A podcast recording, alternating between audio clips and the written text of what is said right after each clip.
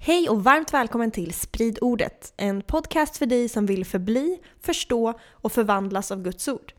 Vårt mål är att gräva djupare i Bibeln och att Guds ord ska få spridas i vårt land.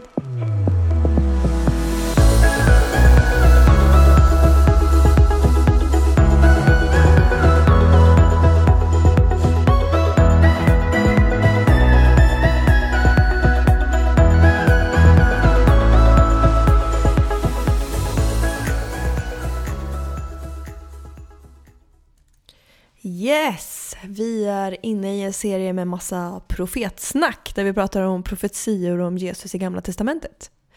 Och eh, idag ska vi prata om Daniel. De flesta av oss har någon gång hört talas om honom. Han var en profet. Eh, som ung man så fördes han bort eh, i den babyloniska fångenskapen. Och genom sin trofasthet till Gud så klättrar han på karriärstegen i babyloniska fångenskapen när han är där. Och hans eh, karriär kan vara bland de mest otroliga i hela mänsklighetens historia. I sin karriär restes han upp till en mycket inflytelserik position i riket och fick förmånen många gånger att få tala med kungen och uttyda hans drömmar. Det är inte alla som gör. Han eh, blir även högt uppsatt i Perserriket. Eh, det var det riket som kom efter babyloniska riket. Eh, och eftersom han hela tiden litade på Gud eh, så satte det honom i ganska så utmanande situationer. Och den kanske mest kända är hur han blev slängd i en lejongrop, därav smeknamnet Daniel i lejongropen. Och idag kommer vi att prata om hans liv eh, och speciellt om hur episoden i lejongropen är en förebild eller en typ, typologi på Jesus och hans uppståndelse. Hundratals år i förväg. Det är bra grejer det. Det är bra grejer va? Jättebra är det. Det kommer bli jättespännande Verkligen. kolla hur... Att komma tillbaks till det här typo, typologi. Vi har i några avsnitt nu här eh, gått ifrån det och gått närmre istället det här med eh, Uttalade ut, uttalade profetior. Ja, precis. Eh, så nu är det spännande att komma tillbaks lite till det här vi höll på med innan då i, i berättelsen och se de här nyckelpersonerna som blir någon modell på Jesus. Men innan vi gör det så, så skulle vi bara vilja eh, referera tillbaks till vår episod innan denna som heter eh, Det förbjudna kapitlet och handlar om Jesaja 53 och hur Jesus uppfyller profetian i Jesaja 53. Yes. Och vi älskar när ni hör av oss till oss. Det hör av er till oss. Och det är... Hör av oss. Hör av, kul när ni hör av oss. Ja, men när ni hör av er till oss. Eh, och eh, det var det som hände efter förra avsnittet. Ja, det var, det var någon som eh, tyckte att eh, kan man verkligen kalla Jesaja 53 det förbjudna kapitlet? Jag skulle, eh, och menade att det till och med skulle vara en antisemitisk titel på eh, kapitlet, eller hur? Att det hade den typen av konnotationer i, Mm. i sig, i det begreppet. Och det är ju absolut inte vår mening. Nej, vi har ju ja, verkligen inte. Tvärtom så vill vi ju att judiska folket eh, ska få lära känna Jesus som är Messias, deras Messias. Och, så egentligen, vi vill bara förtydliga några grejer kring den episoden, kring just det. Och det är att varför vi valde titeln Det förbjudna kapitlet är för att flera ju, messiansk-judiska sidor, en messiansk jude är alltså en etnisk jude som tror på Jesus som Messias. Flera sådana personer i Israel, i moderna Israel idag, använder sig själva, äh, använder Jesaja 53 eh, när de evangeliserar och då kallar de det själva för det förbjudna kapitlet. Mm. Och exempel på det är till exempel Tree of Life Ministries Israel eller One for Life, nej vad säger jag, One for Israel Ministry. Mm. Och då, bara för att förtydliga här, vi håller med om att titeln är aningen sensation, vad heter det? Liksom sensationalistisk. Typ. Alltså, det är till för att väcka intresse. För det är egentligen inte ett förbjudet kapitel. Och det nämnde vi i förra episoden också, det är inte förbjudet att läsa den. Nej. Den finns ju i folks biblar, den är till, tillgänglig för en.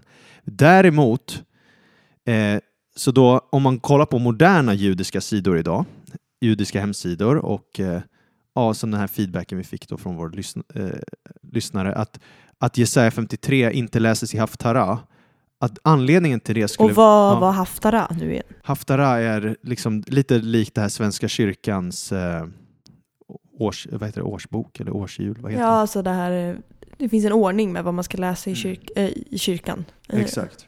Så de har en liknande i den judiska traditionen. Att det här är olika teman och, och texter utifrån skrifterna som vi ska täcka under ett år. Precis, Mm. och då bland annat så var det ju eh, vi pratade om att vissa av de här ställena utelämnas och eh, Jesaja 53 utelämnas då. Eh, medan Jesaja, liksom, då kapitlen innan och kapitlen efter tas upp. Så det verkar vara ganska suspekt där. Men då skulle ett argument kunna vara nej men, att säga att det utelämnas aktivt, det är som att påstå att bibelställena som inte ingår i Svenska kyrkans evangeliebok aktivt utelämnas. Eh, och det är inte det vi säger, det är inte det vi argumenterar för. Även om mm. det är det här kanske judiska hemsidor själva säger idag också, att de säger att Jesaja 53 inte undangömt av någon ondskefull anledning, utan den var inte en del av Haftorah. För att, eh, för att den passar inte liksom med det som läses parallellt i Moseböckerna. Mm. Och då säger de att om man skulle vilja gömma saker, då hade man ju gömt till exempel andra passager också. Jesaja 9 som är med till exempel. Mm. Där det handlar, ja.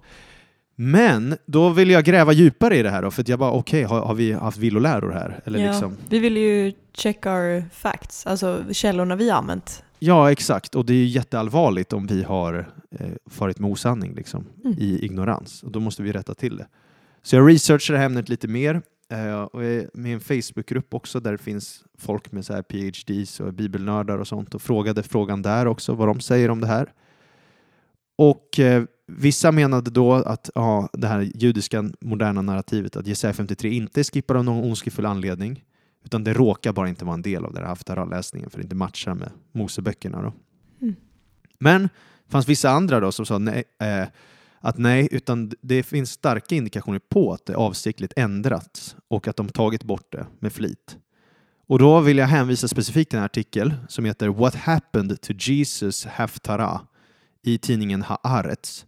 Och där är det en eh, forskare som heter Hanan, eh, Hananel Mack och han är, han är forskare då, han eh, är PhD vid Hebrew University i Jerusalem. Han är inte kristen, han är en judisk forskare.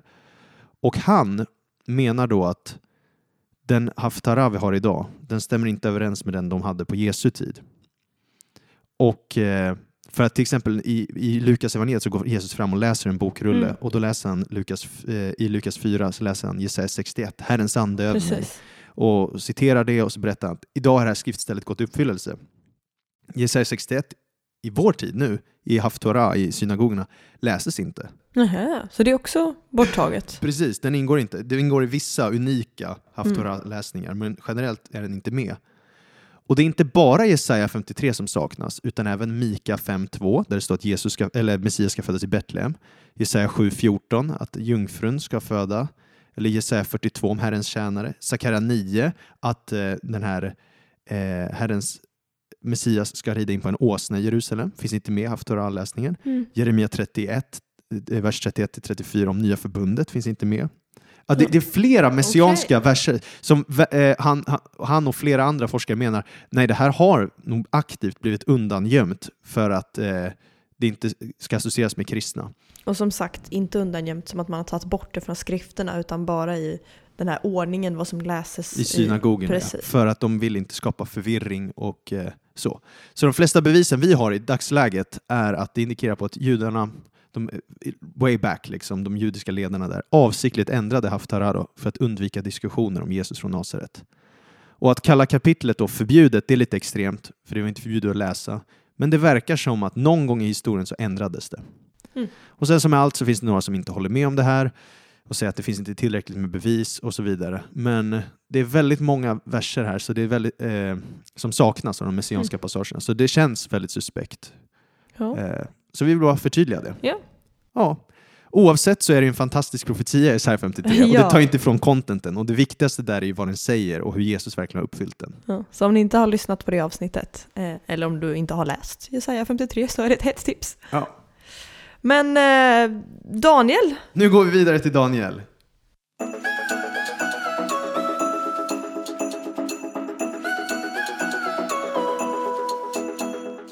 Daniel är ju en fantastisk profetisk bok. Jag är supertaggad på det här.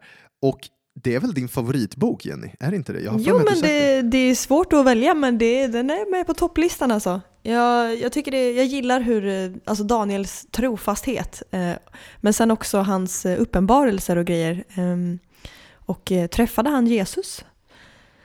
Ja just det. Ja, så det, det, ja, jag tycker det är en spännande bok, bra läsning.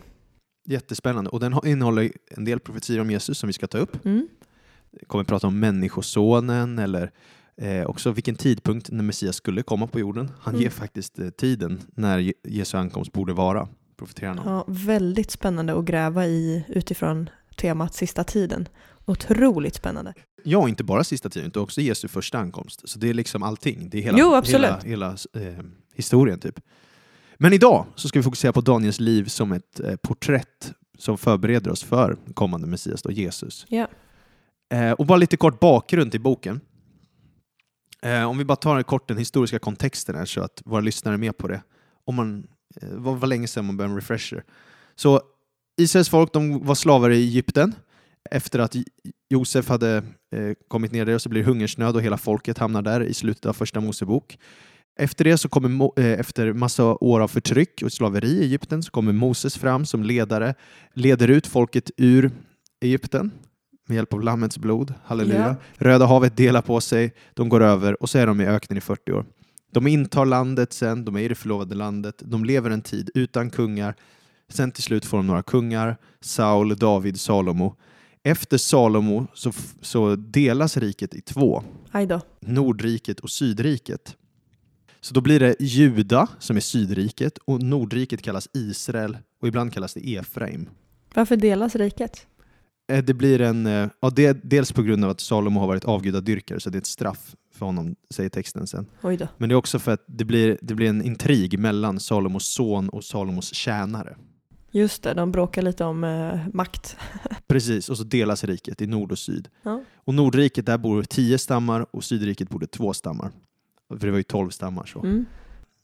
I alla fall, så då är det Israel och Juda. Så det kan man vara uppmärksam på att det inte alltid är synonymer, Israel och Juda, utan det är två olika. Och vilket var vilket? Var Israel Nordriket? Ja, och Juda i syd. Mm. Nordriket, Israel, eller Efraim som det också kallas, det går i fångenskap år 722 av assyrierna. Assyrierna var en stormakt på den tiden. De kommer och tar Nordriket. Och de hade en speciell strategi för att de här länderna de tog över inte skulle göra uppror.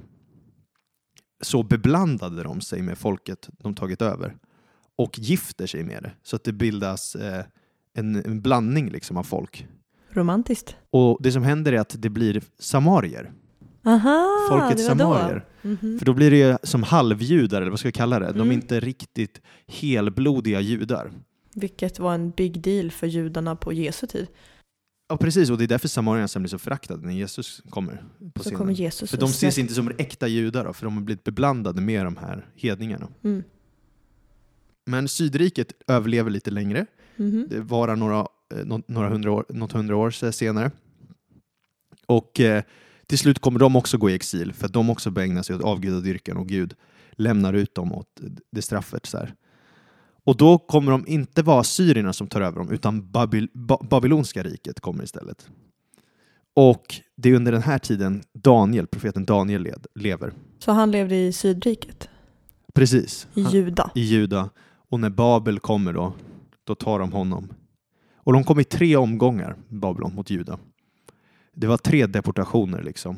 Det var först en 605 före Kristus, där de tar en del folk in i Babylon.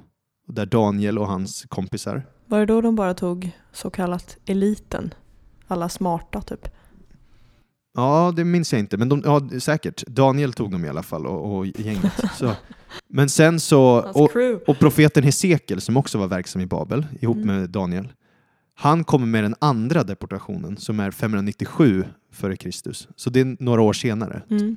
Eh, och sen så kommer till slut templet förstöras i Jerusalem av Babylons kung Nebukadnessar 586 före Kristus. Så det är som tre vå vågor. Eller så. Men under den här tiden blandar de sig med folket i Judarike också då? Eller tar de bara folk därifrån? Ja, det är ju ett annat rike nu då, för det var ju assyrierna som tog Nordriket. Ja, Det här är ju Babylonierna. ja så de gjorde inte De samma hade grej? inte samma de hade- strategi. Okej, då är jag med. Och eh, det spännande är ju då att Daniel och de som kommer till Babylon, de är väldigt måna om att bevara sin identitet och inte beblanda sig. Mm.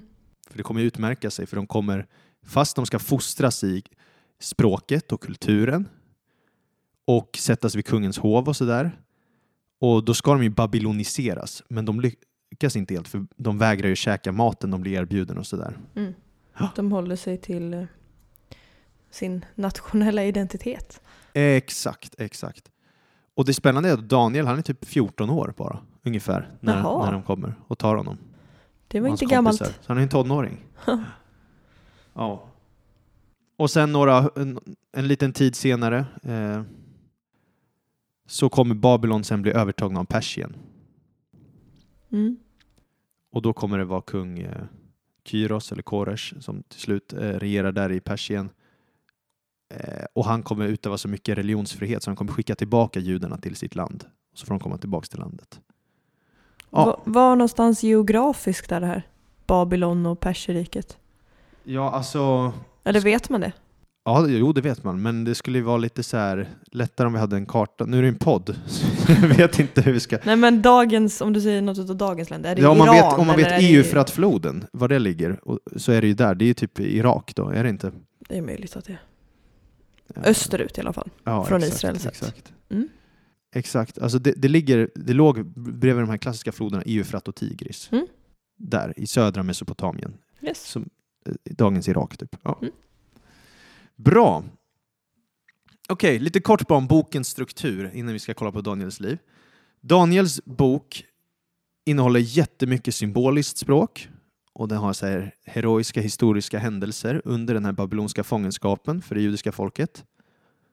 Och eftersom Daniels bok är inte så lätt att förstå så den kräver ganska mycket tolkning och så här eftertänksamhet och studier. Ja, särskilt hans visioner. Exakt, det är de jag tänker på. Mm. De är ju crazy. Ver- verkligen. Kanske Ja. därför jag blev så fascinerad av dem som barn, för jag tyckte allt var så knäppt. Exakt. Och för er som har lyssnat på vår serie Greppa GT, då pratar vi om att eh, judarna delar upp sin skrift i det som heter Tanakh. Mhm. Torah, Neviim och Ketuvim. Lagen, profeterna, skrifterna. Medan vi kallar det gamla testamentet, eller kristna kallar det gamla testamentet. Mm.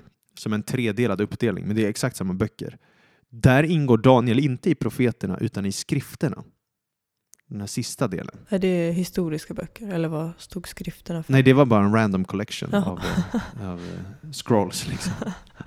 Resten. Ja, precis. Resten.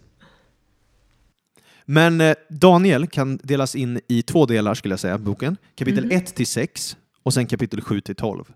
Där kapitel 1 till 6 är historiska berättelser, händelser. Mhm. Och sen klumpas kapitel 7 till 12, det är olika syner och visioner Mm. som Daniel har varit med om, som är nedskrivna. Så därför är boken inte kronologisk från 1 till 12. Utan 1 till 6. Och det är så sen, eh, och sen är det syner som är Sen är det hans dagboksinlägg. Och det, det kan också vara lite fun fact här att kapitel 2 till 7 är skrivet på arameiska. Vilket är spännande. För övriga bibeln är skriven på hebreiska. alltså gamla Ja, testamentet. exakt. Nya testamentet är på grekiska. Och arameiska är ett kusinspråk eller systerspråk till hebreiskan. Och det pratades ju i de här eh, storrikena runt omkring. Mm. Så det är logiskt. Men det indikerar också, eftersom det är bara kapitel 2 till 7 som är skrivet på arameiska. Mm. 8 till 12 och kapitel 1 är skrivna på hebreiska. Skumt. Det borde få vår uppmärksamhet. Det betyder att kapitel 2 till 7 hänger ihop på något sätt. Ooh, Oh, spännande. och det, det är spännande här. Och om man vill se det tydligt visuellt så kan jag rekommendera att kolla på Bible Project eh, på Youtube där de går igenom den här litterära designen för Daniels bok, hur den ser ut, liksom stora kapitelmässigt. Vad söker man på då? Bible Project Daniel. Ja, Book of Daniel. Ja. Ja. Och, men bara för att nämna det så är det så här att eh, kapitel 2-7, då, arameiska delen, det har ett mönster i sig som heter chiasm. En chiasm är ett mönster i stigande och sjunkande ordning där fokuset är i mitten av mönstret. Så typ A, B, A-form. Så typ om man pärlar ett armband så gör man varannan pärla i olika färger och så mittenpärlan är något extra särskilt. En Eh, diamant i mitten. Ja, precis. Alltså som att du börjar med röd, sen vit, sen grön, Röd, vit, grön, röd, vit, grön. Sen kommer man till mitten så är det en stor diamant. Ja, ja, ni, ja, ni har inte riktigt, Eller? utan snarare då, tänk dig typ snarare liksom eh, röd, vit, grön, svart. Aha. Ja, röd, vit, grön, svart. Efter Ja. svart kommer då grön, vit, röd. Ja. Så att det blir som en eh, pyramidform. Typ så, så om vi säger bokstäver då är det A, B, C, D, C, B, A. Mm. Så det går som mot, eh, rör sig mot mitten och sen tillbaks ut. Och det här är Bibeln fulladdat med. Till exempel Jesus, han säger typ ingen kan tjäna två herrar. Antingen kommer han känna den ene och älskar, eller hata den ene och älska den andra. Eller hålla fast vid den ene och förakta den andra. Ni kan inte tjäna både Gud och mammon. Så då börjar han med en A-form. Ingen kan tjäna två herrar. Och så avslutar han med en A-form. Ni kan inte tjäna både Gud och mammon. Så det är samma tema. Ja, och sen i mitten har du samma tema. Antingen kommer man hata den ena och älska den andra. Det är en B-form. Och den andra B. Eller hålla fast vid den ena och förakta den andra. Och det där är hela Bibeln fyllt med. Men Daniel kapitel 2-7 är i alla fall en eh, jättebra chiasm-exempel på det här. Så kapitel 2 och 7 stämmer överens med varandra. För då kapitel 2 handlar om Nebukadnessars dröm om fyra riken och Guds rike. Och kapitel 7 handlar om Daniels vision om fyra riken och Guds rike. Ooh. Kapitel 3 handlar om tre brinnande i en ugn som blir oskadda. Och kapitel 6 handlar om Daniel i lejongropen som blir oskadd. Så det är som Guds folk som blir beskyddat i prövning. Mm. Och sen kapitel 4 handlar om hur Nebukadnessars stolthet, kungen då, blir ödmjukad och han bekänner att Gud är kung. Och kapitel 5 handlar också om en annan kung, Belshazzar, och hans stolthet blir ödmjukad och han bekänner att Gud är kung. Så då är det två berättelser i mitten som är Exakt. hö- höjdpunkten. Precis, och det blir som en ABC, CBA mönster då. Mm. Och då är fokuset på allting att Gud är kung. Det är det som är fokuset med Daniels bok då.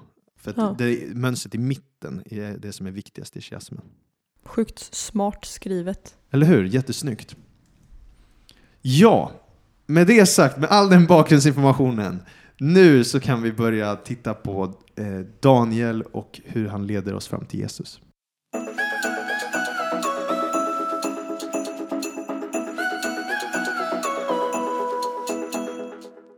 Okej, när man läser evangelierna i Nya Testamentet, då har vi hela tiden så små hintar typ i hur Jesus är som en ny Adam, eller Josef, eller Moses, David, Elia och Daniel. Och det säger inte det rakt ut, texterna. De säger inte så här Jesus är den nya Josef. Det säger bara att han är den andra Adam. Mhm.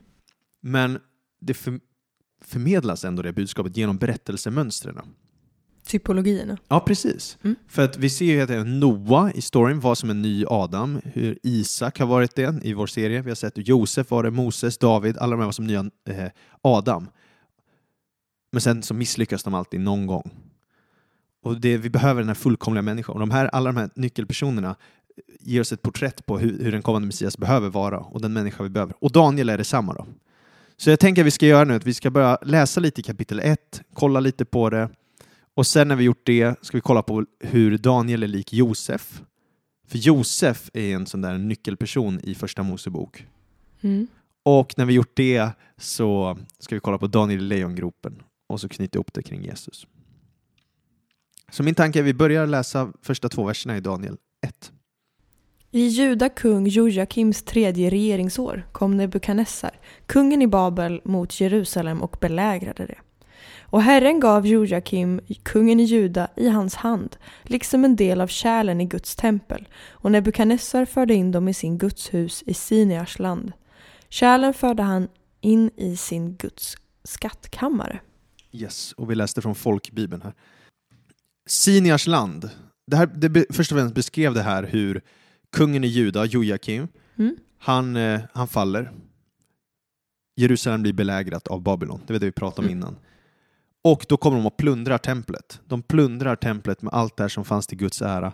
Och de för det till Siniars land. Och Siniars land är Babylon. Fast bara en del av grejerna i templet. En Mm. del av kärlen. Ja, just det. Inte allt. Det, det har du rätt i. Ja, jag vet inte heller. Skumt. Kanske bara de tyckte var värdefullt. Då. Ja. Men Siniars land i alla fall, det är det Babel kallas i Första Mosebok 11. Det är landområdet, Siniars land. Mhm. Så det ska få oss att tänka också på Babels torn. Ah. Lite så. Att det, är en, det här är en makt som gör det som är rätt i sina egna ögon och inte följer Guds plan och vägar. Okej, ehm, vi går vidare, vers 3 till 4. Kungen befallde sin första hovmarskalk Aspenas att han av Israels barn skulle låta hämta unga män av kunglig släkt eller av förnäm börd. Sådana som inte hade något kroppsligt lyte utan, att, utan var vackra att se på. De skulle kunna tillägna sig all slags lärdom, vara kloka, ha lätt för att lära och vara dugliga att tjäna i kungens palats. De skulle få undervisning i kaldéernas språk och litteratur. Och här har vi det, du snackade ju om det Ja, tidigare. det var det här de- jag menade. Lite eliten typ så här. Och då har de hämtat eh, dem av kunglig släkt, eller kunglig säd, som skriften säger där. Och alla snyggingar. Alla snyggingar ja. Och det står att de, de hade inget kroppsligt lyte. Det är ett gammalt svenskt ord. Så de hade inga finnar eller vadå? Ja, precis. Exakt så. Får se om Bibel 2000 använder något modernare ord. Nej, de säger också utan lyte. Ja, okej. Eh, alltså, de har inget fel på sig. Det är egentligen vad de är. De beskrivs som de här offerdjuren i tredje Mosebok. Ja just det, de skulle vara... Felfria. Ja. Och varför beskrivs de som offerdjur eller så fullkomliga liksom? Och så står det att de är vackra att se på. Och det är samma ord som används om Josef i första Mosebok. Mhm. Och det här är också samma fras som används av den förbjudna frukten i trädgården. Att den var vacker att se på. Ja, precis. Och hur frukten gav vishet. Kommer du ihåg det? Och det här är ju män som ska lära sig vishet. Mm. Lite spännande paralleller här.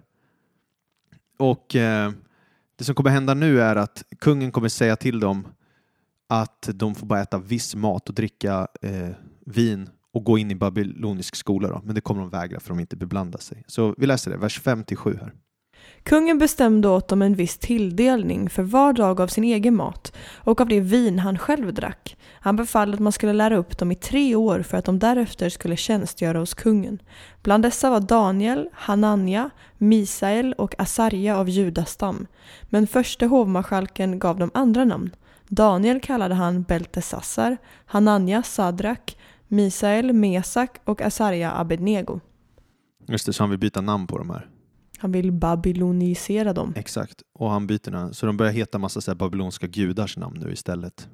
Charmigt. Ja, tidigare hade de namn som betydde massa om, om Herren, liksom Mm. Javé eller vad, vad, han, vad han innebär. Och nu handlar det om massa babylonska gudar istället. Mm, vi fortsätter där, vers 8. Men för Daniel var det angeläget att inte orena sig med kungens mat eller med vinet som han drack. Och han bad förste hovmarskalken att han inte skulle tvingas orena sig. Gud lät Daniel finna nåd och barmhärtighet inför första hovmarskalken.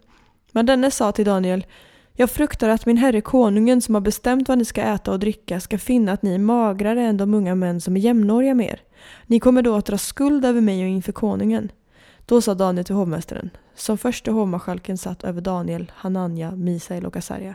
Gör ett försök med dina tjänare i tio dagar och låt oss få äta grönsaker och dricka vatten. Jämför oss sedan med de unga män som har ätit av kungens mat och gör med dina tjänare efter vad du då ser. Så de vill gå på vegankost här. Ja, Och modernt. det har framgång. Det har framgång. Ja. Eh, och det är det här som är så spännande nu, att Daniel blir som en ny Adam. För att vad åt Adam i Edens lustgård? Veganmat. Vegankost. Det var ju det han käkade. Så att han ät, eh, det är I alla att fall de, vegetarian. eh, Ja, men det verkar vegan faktiskt. Ja. Liksom, för det står att de äter Ingen crème fraîche i... grönsaker. Är det de Grönsaker. Nej, precis. precis. Och, och vatten. Så det här är, det är som att Daniel är en ny Adam. Och han är, vill inte äta det förbjudna. Nej. Och han vill, inte, han vill bestå provet, alltså det Adam misslyckades med. Och åter, det här är ett spännande tema jag skulle vilja utforska någon gång. Det här med, med att käka. Det är jätteviktigt med mat i Bibeln. Mm. Adam och Eva de käkar den här frukten och Daniel avstår från den här maten. Och, och sen när Jesus kommer med nattvarden Mm. och, och han upphäver de här kostreglerna och ändå så finns det någonting i nattvarden där med vad man äter och konsumerar. Mm. Och det var tydligen också väldigt kontroversiellt vem Jesus valde att äta med. Så alltså det konceptet av Just att sitta ner och Ja. äta med någon. Precis. Det, det är ett spännande tema att gå igenom någon annan gång. Mm. Men hur som helst, det, här, det ger bilden av på något sätt att det här är män som vill avskilja sig och agera som den människa Gud tänkt att de ska vara. Som det här Edenlika. Mm. Men det spännande är att de gör det inte i Edens lustgård, utan de gör det i Babylon, som är motsatsen till Eden. I fångenskap. Ja, och det här blir ju ganska likt då på något sätt Jesus. För att Jesus valde ju också att, eh, han var ju i Babylon, han var ju i, inte i Babylon, jag pratar metaforiskt. Ja. Tack för förtydligandet. Alltså han var ju i, i, i världen där den inte interagerade som den skulle och ville förorena men han valde att ändå inte Mm. göra det. Och han växte upp i en tid då Guds folk inte hade självstyre i sitt land. Precis. Jesus med romarriket. Ja. Och Daniel är fylld med vishet, säger skriften. Och Jesus var ju det, likadant. Och Daniel kommer ju få tala inför kungar och folk i ledande ställning och vara ett vittne för sanningen. Vilket Jesus, Jesus också fick vara. Så det är spännande likheter. Men framför allt så kommer Daniels bok måla upp Daniel som en ny Josef. För att Josef och Daniel har många likheter. Josef var en hebré i exil, precis som Daniel.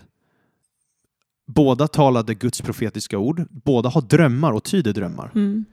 Och det är faktiskt de enda hebreerna som har förmågan att tolka drömmar i GT. Mm.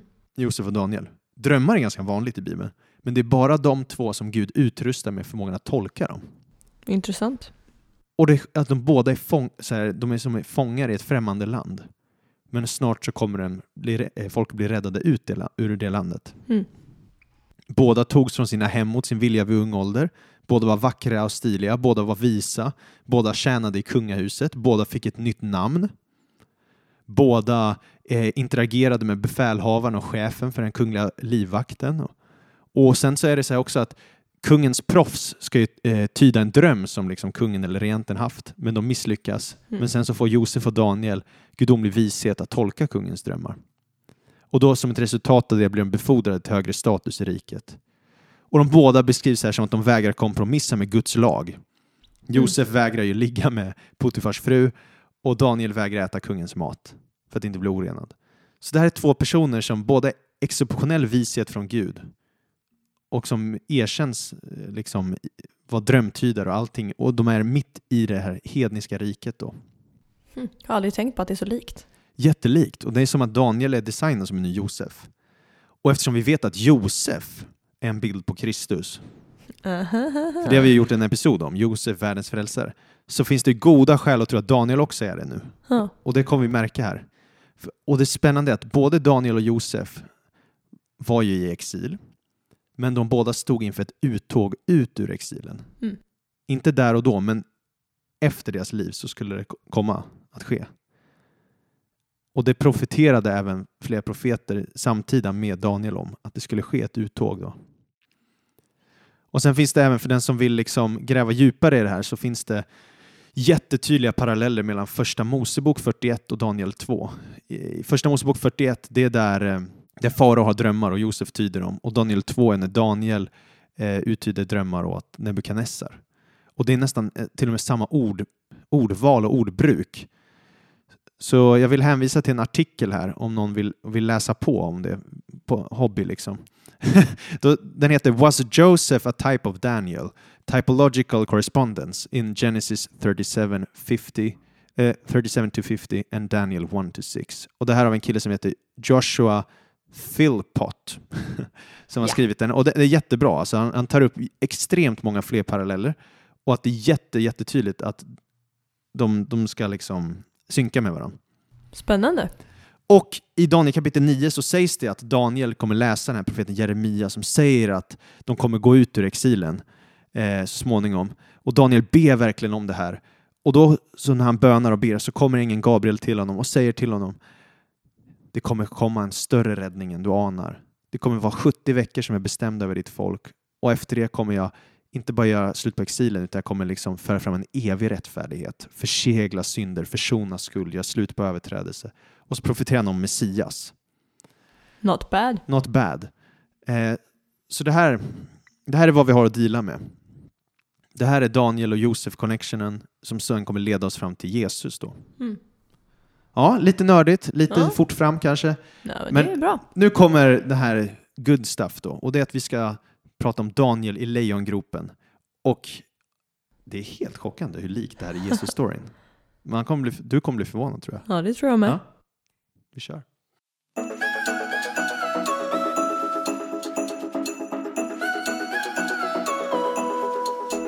Ja, Daniel i Lejongropen då?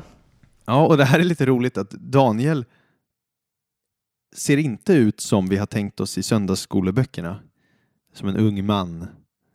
Utan han Va? är... Hade du en ung Daniel i dina Jag söndagsskoleböcker? minns inte, jag tror det, jag har för mig det. Är meterlångt skägg. Jaha, okej. Är det sant? Ja, Men typ alla bibliska karaktärer som var Ja, det menar jag så. Ja, precis. Men han ser ju inte ut att vara 80 år. Var han 80 bast? Ja, det är det. Det är min poäng. är. Där, ja, okej då. Han borde varit omkring 80 år när det här händer. Då var han länge i exil. Ja. Hela livet i princip. Ja. Och det här kommer då i kapitel 6 där. Det kommer utspela sig i Perserriket. Och då finns det en kung där som Ja, alltså det är svårt att säga vad han heter. Han heter antingen Darijaves, Darius, Darius, Darijaves. Det är jättemånga olika translittereringar. Jag tänker att vi, ska vi säga Darijaves eller? Jag vet inte. Darius. Darius. Du, säg vad du vill. Ja. Jag säger det jag vill. Vi, vi läser här nu från folkbibeln då, så blir det bra. Där står det Darijaves. Ja, första fem verserna. Yes, så Darijaves fann det lämpligt att sätta 120 satraper över riket för att de skulle finnas överallt i hans välde. Över dem satte han tre furstar. En av dem var Daniel. Inför dessa skulle satraperna avlägga räkenskap så att kungen inte led någon skada. Men Daniel utmärkte sig framför de andra furstarna och satraperna, ty en ande utan like var i honom, och kungen övervägde att sätta honom över hela riket. Då försökte de andra furstarna och satraperna finna något att anklaga Daniel för i det som angick riket. Men de kunde inte hitta, nej de kunde inte finna något att anklaga honom för, eller något brottsligt hos honom eftersom han var trogen i sin tjänst. De fann ingen förseelse och ingen orätt hos honom. Då sa männen, vi lär inte finna något att anklaga den där Daniel för, utom möjligen när det gäller hans gudsdyrkan.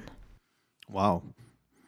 Så vi har här hur de här furstarna och satraperna, högt uppsatta ledare i riket, Vad är en satrap? ja, det är någon högt uppsatt ledare. Jag vet inte, det är någon titel i perserriket. Mhm. Där de försöker hitta något att anklaga Daniel för. Så de kommer samman och de följer efter honom, letar fel i honom, men Mm. de har ingen framgång. Och det finns bara en sak de kunde anklaga honom för. Vad var det? Att han tillbad en annan gud än dem. Ja, hans gudsstyrkan. Ja, det där är häftigt alltså. Men jag tänker mig så här själv, om, om, om, om du skulle bli anklagad för att vara kristen, Mm. skulle det finnas tillräckligt med bevis för att fälla dig i en domstol? Det är en fråga man kan ställa sig i ljuset av hur man lever sitt liv. Du menar om det skulle finnas tillräckligt bevis att du är kristen? Ja, bevis, exakt. Lever man ut sin tro? Mm. Det är tänkvärt. Men eh, ja, så då, de, men de hatar honom här. De är, de, är, de är avundsjuka på honom. De tycker illa om honom. Så då kommer de på en plan då. Hur de ska få fast Daniel. Och om vi läser vers 7 där. Alla rikets furstar, landshövdingar och satraper, rådsherrar och ståthållare har enats om att en kunglig förordning borde antas och ett påbud utfärdas. Att vem som helst som under 30 dagar ber till någon annan, gud eller människa, än till dig, o konung, han ska kastas i lejongropen. Exakt. Och det här går sen kungen med på i den här planen. Han tycker det låter jättebra. Så bra idé! Ja visst. Han frågar inte så mycket frågor utan han bara, ja men vi, vi kör på den här planen. Kul grej! Och eh, Daniels respons på det här, när han får höra det här, vad är det Jenny? Att be Han, till någon annan än kungen. han väljer, jag ska fortsätta be till min Gud. Så han fortsätter gå hem och be tre gånger per dag, som han alltid gjort, frimodigt. Och vad blir resultatet av det? Uh-oh. Han blir dömd, han blir arresterad, tagen och han döms till en lejongrop, en säker död. Vilket vidrigt morbid straff. ja, verkligen. Okej, men vi stannar där lite tänker jag. För att om vi bara börjar tänka på parallellerna mellan Daniel och Jesus-storyn nu. Precis som Daniels medarbetare och ledare i riket försöker hitta något att anklaga Daniel för så försökte de religiösa ledarna finna något att anklaga Jesus för. Mm. De letade ständigt efter något fel mot Jesus, men de hittade ingenting. Det enda de kunde anklaga honom för var hans koppling till Gud. Ja. Att han påstod sig vara Gud. Precis. Och det här är ju det som händer då med Daniel då. Inte att han påstår sig vara Gud, men hans gudsstyrka. Mm. Och när Jesu fiender sen gör upp en plan för att arrestera honom, då går Jesus till Getsemane och ber. Och i Getsemane ber Jesus tre gånger. Och hur många gånger bad Daniel om dagen? Tre gånger. när han blev fasttagen. Och direkt efter bönen så blir Jesus arresterad och tagen för att dömas. Och domen blir att han ska dö. Häftigt! Mhm. Blir Daniel också arresterad direkt efter sin bön? Ja, han blir arresterad för att han ber. Ja. Ja, jo. jo men, ja, du fattar. Ja, jag fattar. Ja. Okej, om vi går tillbaka till Daniel-berättelsen då. När kungen hör om att Daniel ska sändas till lejongropen, då blir kungen jättebedrövad. Och han gör allt han kan för att försöka rädda Daniel. Mm. Och det här är väldigt likt Pontius Pilatus, som blev jättebedrövad och försökte göra allt han kunde för att få Jesus fri. Just det. För han bara, ah, eh, vi kan läsa båda de ställena. Vi läser först Daniel 6, vers 14 där. När kungen hörde detta blev han mycket bedrövad och vindlade sig om att rädda Daniel. Ända till solnedgången ansträngde han sig för att finna en utväg för att rädda honom. Ja, du ser. Han ville verkligen rädda Daniel. Och eh, vi kan läsa om hur Pilatus försöker göra Jesus fri i Johannes 19, vers 12. Från det ögonblicket, ögonblicket försökte Pilatus få honom fri. Men judarna skrek Släpper du honom är du inte kejsarens vän. Den som gör sig själv till kung sätter sig upp mot kejsaren. Ja, du ser, båda försöker göra dem fria från den här dödsdomen. Så att det är faktiskt så att när, när den här kungen eh, Dariavers, han får höra eh, om att Daniel begått det här brottet, då vill han inte att Daniel ska kastas. Då ångrar han att han skrev den här lagen. Mm. Och, eh, och då de här andra männen, då säger de till kungen, nej du kan inte ändra din lag. Konungens förordning kan inte återkallas. Och då tvingas han kasta Daniel i lejongropen.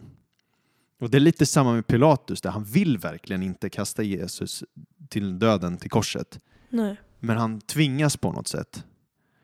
Och Darius lider, eller Dariavers lider hela natten och kan inte sova över Daniels situation. Han är så orolig när Daniel är nere i lejongropen. Vilket är väldigt, väldigt likt Pilatus fru.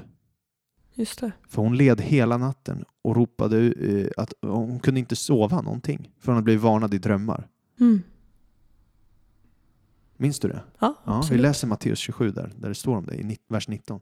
Medan Pilatus satt på domarsätet sände hans hustru bud till honom och lät säga Ha ingenting att göra med denne rättfärdiga man. Jag har i natt lidit mycket i en dröm för hans skull. Men det är ju så spännande då. Så precis som satraperna lyckades få kung Dariavers snärjd så lyckas fariséerna få Pilatus snärjd så att Daniel och, Je- och Jesus då skickas till en säker död. Ja. Daniel placeras sen i gropen och Jesus till slut i graven. Ja. Lejongropen förseglas med en sten och förseglas med kungens sigill så att ingen förändring ska kunna göras i det som nu skett Daniel. Om vi läser det i Daniel 6.17. Och man förde fram en sten och lade den över gropens öppning och kungen förseglade den med sitt eget och med sina stormäns sigill för att ingen förändring skulle kunna göras i det som nu hade skett med Daniel. Låter det som Jesus-storyn? Ja, en, eh, en sten framför eh, graven. Ingen Ja. ska kunna fuska här inte. Eller hur? Mm. Det är ju exakt så. Att det, det är ju där i slutet av Matteus evangeliet så kommer ju några fram till Pilatus och säger så här. Alltså vi har tänkt på den där bedragaren. Han, han snackade om att han kanske skulle uppstå efter tre dagar. Se till att du verkligen säkrar graven.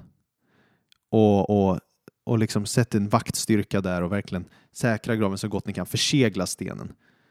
Och så precis som Daniels grop förseglades så förseglas Jesu grav då. Så det här ser ut som att all möjlighet till att kunna fly undan döden ser hopplös ut för både Daniel och Jesus. Och alla antar att Daniel och Jesus är döda. Mm. Daniel borde ju vara död Ja. i lejongropen. Och Jesus borde ju vara död eftersom han dog på korset och ligger Ja. i graven. Rimligt. Men Men så var inte fallet. så var inte fallet. För vad händer vid gryningen? Då springer kung Dariavers till gropen och han får ett möte av hopp.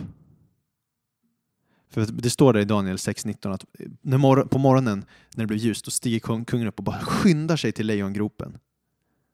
Och då märker han att Daniel lever. Daniel har överlevt natten. Haha. Och vad händer den morgonen när Jesus uppstod? Kvinnorna tar sig till graven. De springer också till De graven. springer till och med. Ja. Och eh, Jesus är uppstånden. Han lever. De får Han är ett inte möte död. av hopp. Och inte bara det, utan de, kvinnorna får ju veta att det hade varit en att det var änglar närvarande där. Det satt ju änglar där vid Jesu grav. Just det. Och Daniel berättar för oss också i Daniel 6 där, eh, vers 20 till 22 att det är några, en ängel som har räddat honom. Hmm. Att en ängel har varit närvarande i graven. Vi kan läsa det. Det, det är roligt att läsa Bibeln. När kungen kom i närheten av gropen ropade han på Daniel med ängslig röst. Han sa Daniel, du den levande gudens tjänare, har din gud, som du så oavbrutet dyrkar, kunnat rädda dig från lejonen? Då svarade Daniel kungen Må konungen leva för evigt. Min gud har sänt sin ängel och stängt till lejonens gap så att de inte skadat mig. För jag är utan skuld inför honom och jag har inte heller förbrutit mig mot dig, o konung. Mäktigt! Aha. Och i, i, i Jesu fall, då är det i, till exempel Johannes evangeliet, där, tju- vers, eh, eller vad säger kapitel 20. Då, stå, då står det i vers 11 där att Maria stod utanför graven och grät. Och när hon gråtande lutade sig in i graven såg hon två änglar i vita kläder sitta där Jesu kropp hade legat. Den ena vid huvudändan, den andra vid fotändan. Mm. Så det är änglar närvarande här Ja. i mötet med hopp. Och efter att den här kung Dariavers får, får möta eh, att Daniel lever, Mm. Då kommer han berätta för alla att Daniels gud är den levande guden och riket kan inte förstöras. Boom! Och när lärjungarna och kvinnorna fått ett möte med den uppståndne Jesus, då berättar de att Jesus är den levande guden och de börjar sprida hans rike. Ja, det är likheter här minsann. Visst är det? Ja. Ja, vi kan läsa bara hur mind-blown Dariavers blir där i slutet av Daniel, eh, från vers 25 i kapitel 6. Därefter lät kung Darius skriva till alla folk och stammar och tungomål som fanns på hela jorden. Jag önskar er fred och framgång. Härmed befaller jag att man inom hela mitt rikes område ska bäva och frukta för Daniels Gud. Ty han är den levande guden som evigt förblir. Hans rike kan inte förgöras. Hans välde har inget slut. Han befriar och räddar, han gör tecken och under i himlen och på jorden. Han som har befriat Daniel ur lejonens våld. Amen. Come on. Det är som en, nästan som en missionsbefallning. Ja. Liksom, Gå ut berättar om goda nyheterna till hela världen. Och så är det alltså det är också bara intressant att skriften på flera ställen liknar Satan vid ett lejon. Typ i första Petrusbrevet 5.8. Just det. Och att Daniel övervann ju lejonen i gropen. Ah, Så när Jesus stiger ner i graven och dödsriket, då övervinner han ju lejonet, Satan, just det. med hjälp av Guds makt. Coolt. Och det står ju där, vi, när vi läste Saltaren i den här serien, då läste vi psalm 22. Och där stod det om hur lejon omringade Jesus vid korset. Mm. Hur- I vers 14 och vers 22 så står det hur gly, glupande, rytande lejon eh, om, omringar Jesus då vid, vid korsfästelsen. Mm. Så det finns väldigt, väldigt, väldigt många paralleller till Daniel och Jesus. Vad tänker du när du hör det här? Varför har jag inte sett det här förr? Tänker jag. Eller hur? När man lägger fram det så här så blir det ju så obvious. Men eh, ja, jag vet inte, jag kanske är korkad. Nej, men jag, alltså det, är väldigt, det, är, det är mycket färre som ser de här parallellerna i Daniel Ja, än till exempel Josef eller Moses. ja. Josef och Moses är ganska många om, över hela internet så här, som hittar. Men Dan, Och står det på internet, då är det nej, sant. men alltså, vet, man kan bara se kvantitetsmässigt. ja. Men Daniel, väldigt, väldigt få mm. som, ser, som har tagit upp de här parallellerna. Men sen tänker jag också att läsa Bibeln så här. Det är ovanligt. Det är inte alla som gör heller. Att läsa det utifrån typologier. Jag tycker det är så häftigt. Alltså det är så många paralleller ju. Ja, Det, det, det, det är ju typ Jesu uppståndelse liksom, och död paketerat i Daniel 6. mm. Daniel är felfri, han är quote unquote, liksom syndfri. De, han blir bara anklagad för sin relation med Gud. Gud kommer på, eh, de kommer på en plan hur de ska få fast honom. Och han går för att be och han blir arresterad när han ber. Mm. Han ber tre gånger om dagen. Eh, och efter han blir bett blir han fasttagen. Han döms till döden. Den här kungen försöker befria honom, rädda honom ur det. Lider under natten för att rädda honom.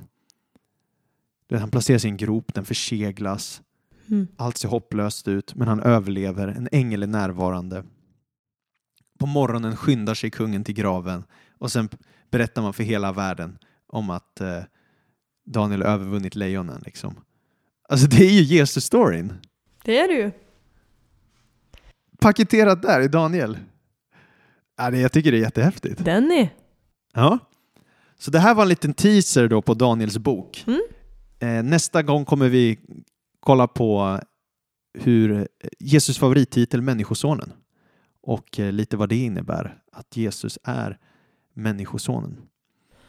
Så vi Eh, kommer fortsätta i Daniels bok. Ja, precis. För Daniel i kapitel 7 kommer prata om Mm. Människosonen då och eh, kopplingen där till Jesus är väldigt spännande. Mm. Daniel har mycket att lära oss om Jesus och eh, hans liv är en förebild för oss, precis som Jesu liv är en förebild för oss. Amen. Grymt. Hoppas ni också har lärt er massa, som jag har. eh, och så hörs vi snart igen.